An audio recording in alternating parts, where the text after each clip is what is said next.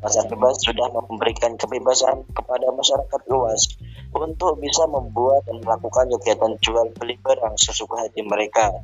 Di sisi lain, David Ricardo menjelaskan bahwa pasar bebas adalah suatu kegiatan perdagangan luar negeri yang melibatkan lebih dari dua negara yang masing-masing di antaranya akan melakukan perdagangan tanpa ada masalah dari pihak pemerintah dan berdasarkan penjelasan dari para ahli di atas bisa kita tarik kesimpulan bahwa pasar bebas memiliki hubungan yang erat dengan kebijakan pemerintah tentang suatu perdagangan. Artinya pemerintah tidak akan melakukan tindakan diskriminatif atau penghambat proses perdagangan terutama kegiatan impor dan ekspor barang. Dan untuk selanjutnya ada tujuan pasar bebas yang akan disampaikan oleh saudari Mbak Hani kepadanya saya persilahkan. Baik, terima kasih. Di sini saya akan uh, menyebutkan tujuan dari pasar bebas. Yang pertama, meningkatkan pendapatan negara. Yang kedua, meningkatkan perekonomian negara. Tiga, memperluas pasar. Keempat, menciptakan transfer of teknologi. Dan yang terakhir, memenuhi kebutuhan dalam negeri. Untuk selanjutnya, saya kembalikan lagi kepada moderator. Oke, terima kasih banyak Mbak Ani untuk selanjutnya ada ciri-ciri penerapan pasar bebas yang akan disampaikan oleh Mbak Alfia Tias. Kepadanya saya persilahkan. Baik, langsung saja. Ciri-ciri adanya penerapan sistem pasar bebas akan terlihat pada bagaimana sumber dan alat produksi bisa bebas dimiliki dan diatur oleh seluruh pihak, bisa itu komunitas, perusahaan, hingga individu. Selain itu, Ciri lain dari kelas juga adanya pembagian kelas, seperti adanya kelas pekerja dan pemilik modal dalam suatu perekonomian masyarakat.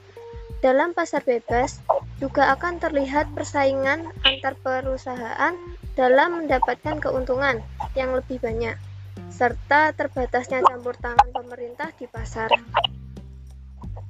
Terima kasih, saya kembalikan kepada moderator. Oke, terima kasih atas waktunya Mbak Alvia. Selanjutnya ada manfaat pasar bebas yang akan disampaikan oleh saudara Mas Afifuddin. Kepadanya saya persilahkan.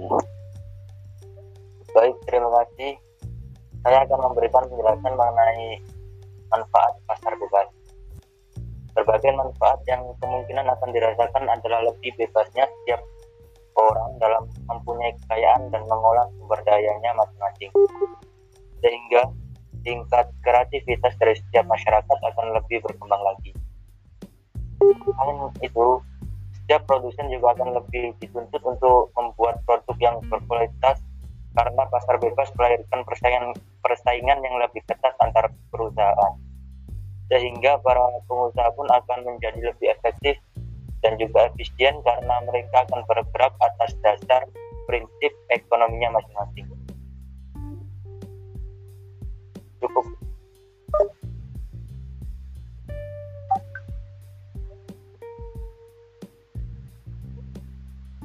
Oke, terima kasih dari Mas Afifuddin. Untuk selanjutnya ada kekurangan pasar bebas yang akan disampaikan oleh saudara Mas Agus kepadanya saya persilahkan. Oke, terima kasih atas waktunya Mas Ali. Jadi kekurangan bebas, berapa kekurangan bebas yang berpotensi mengancam perekonomian suatu negara. Contoh sederhananya adalah perusahaan yang lemah atau kecil akan menjadi tereksploitasi oleh perusahaan yang lebih kuat. Selain itu, potensi kesenjangan ekonomi antar perusahaan yang kuat dan yang lemah pun akan semakin besar. Perdagangan bebas juga mampu mengancam kestabilan perekonomian pada suatu negara jika produk dalam negara tersebut tidak bersaing dengan produk asing yang masuk ke negaranya. Jika hal tersebut sudah terjadi, maka negara pun bisa memiliki suatu ketergantungan pada negara lain dan akan berdampak pada menurunnya tingkat perekonomian pada negara tersebut. Mungkin itu pendapat argumen dari saya mengenai kekurangan besar. Saya kembalikan kepada Mas Ali. Oke, terima kasih banyak atas waktunya dari Mas Agus. Untuk yang terakhir ada penerapan pasar bebas yang akan disampaikan oleh saudari kita Mbak Dinda. Kepadanya saya persilahkan. Baik, terima kasih. Uh, saya akan mau jelaskan tentang penerapan pasar bebas. Indonesia dalam menerapkan perdagangan bebas tidak melulu keseluruhan karena masih ada beberapa aturan pada komoditas yang berperan penting dalam kehidupan masyarakat seperti minyak, listrik, dan bahan pokok lainnya. Aturan seperti ini dilakukan untuk perjanjian bilateral jika melibatkan dua negara saja.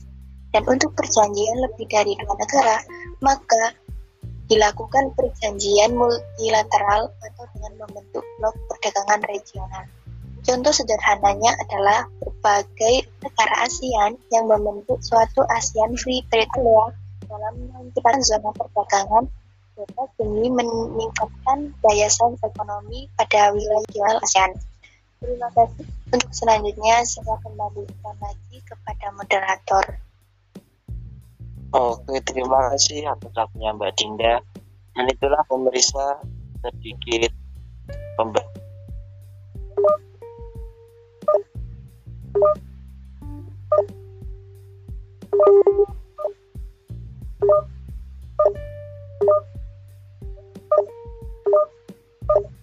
kami jika ada kurang lebihnya kami memohon maaf yang sebesar-besarnya Sekian, bila itu walidaya, walidah walinaya, Wassalamualaikum warahmatullahi wabarakatuh.